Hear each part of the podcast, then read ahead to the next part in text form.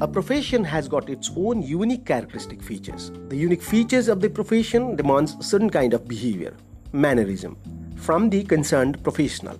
Engineers, being professionals, have to act in certain way as demanded by their professional characteristic. A few of the professional demands of engineering include responsibilities, collegiality, loyalty, confidentiality, and codes of conduct. We will discuss these dimensions of professional demand in brief. Responsibilities.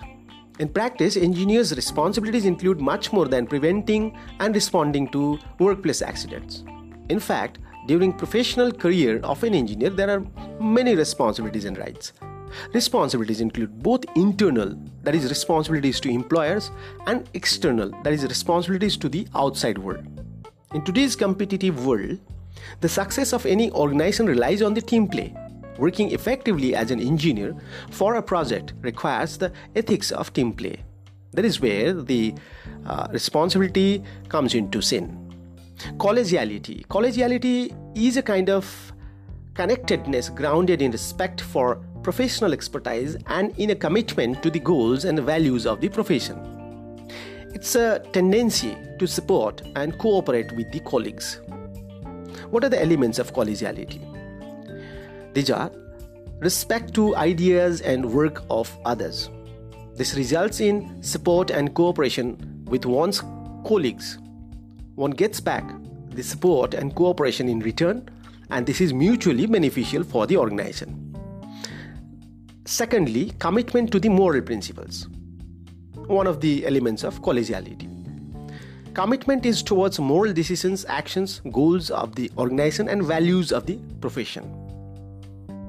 Now, we will discuss what is loyalty. There are two types of loyalties one is agency loyalty, and another one is identification loyalty. Agency loyalty is an obligation to fulfill his or her contractual duties to the employer. The duties are specific actions. One is assigned and in general cooperation with others in organization. It consists of several obligations to employers. But for the engineers, the paramount obligation is still the safety, health, and welfare of the public. What is identification loyalty? In contrast to agency loyalty, identification loyalty is much concerned with attitudes, emotions, and sense of personal identity as it does with actions. This is uh, more a virtue than an obligation. It is all right when the organization work for productivity or development of community, working together in falsification of records or serious harm to the public does not merit loyalty. Now we will come to the point of confidentiality. It is widely accepted that the engineers have an obligation to keep certain information of the employer or client or the organization confidential. In the same way, engineers have an obligation to keep proprietary information of their employer or the organization confidential. Confidential information is information deemed desirable to keep secret. What are the terms related to confidential information? privileged information, the information available to an employee who is working on a special assignment, proprietary information, property or ownership, a new knowledge established within the organization that can be legally protected from use by the others. Trade secrets, these are the given limited legal protection against employee or contractor abuse.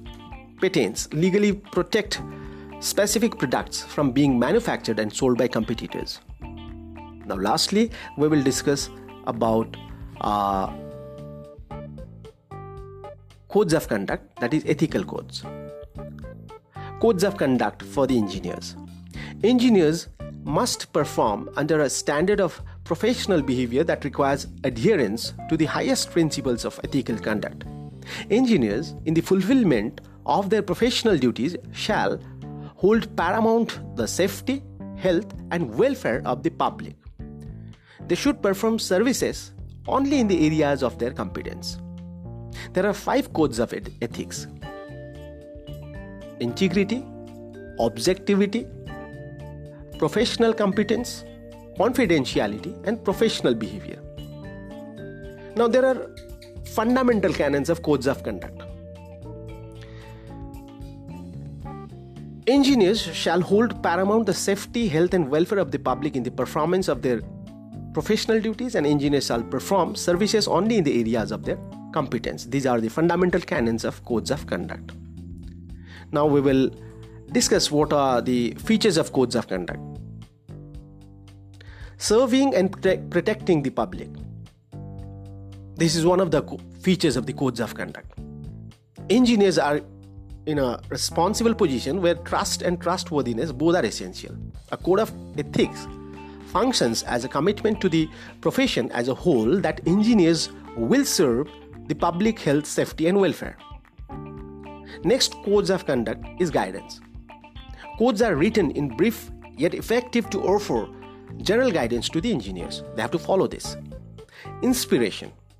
Codes of ethics, which specify a collective commitment towards a profession, helps in motivation for ethical conduct. Another point in codes of conduct is shared standards. The standards established should be applicable to all individuals in their particular professions. With the codes of ethics, the public is assured of engineers with a minimum standard of excellence, and the professionals are provided a fair way to compete. Support for responsible professionals is another point in codes of conduct. The professionals who act ethically have more positive support through these codes. A professional engineer who has the intention to stand by the codes of ethics can have no harm from immoral professional obligations as he or she can reject smoothly yet formally. Education and mutual understanding is another point in codes of conduct. The codes, which are widely circulated and officially approved by professional societies, promote a shared understanding among professionals, the public, and government organizations about the moral responsibilities of engineers. And there is another point in codes of conduct that is contributing to the profession's image.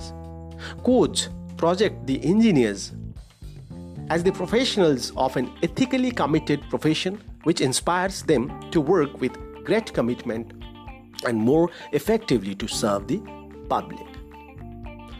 So, uh, we conclude today's discussion out here.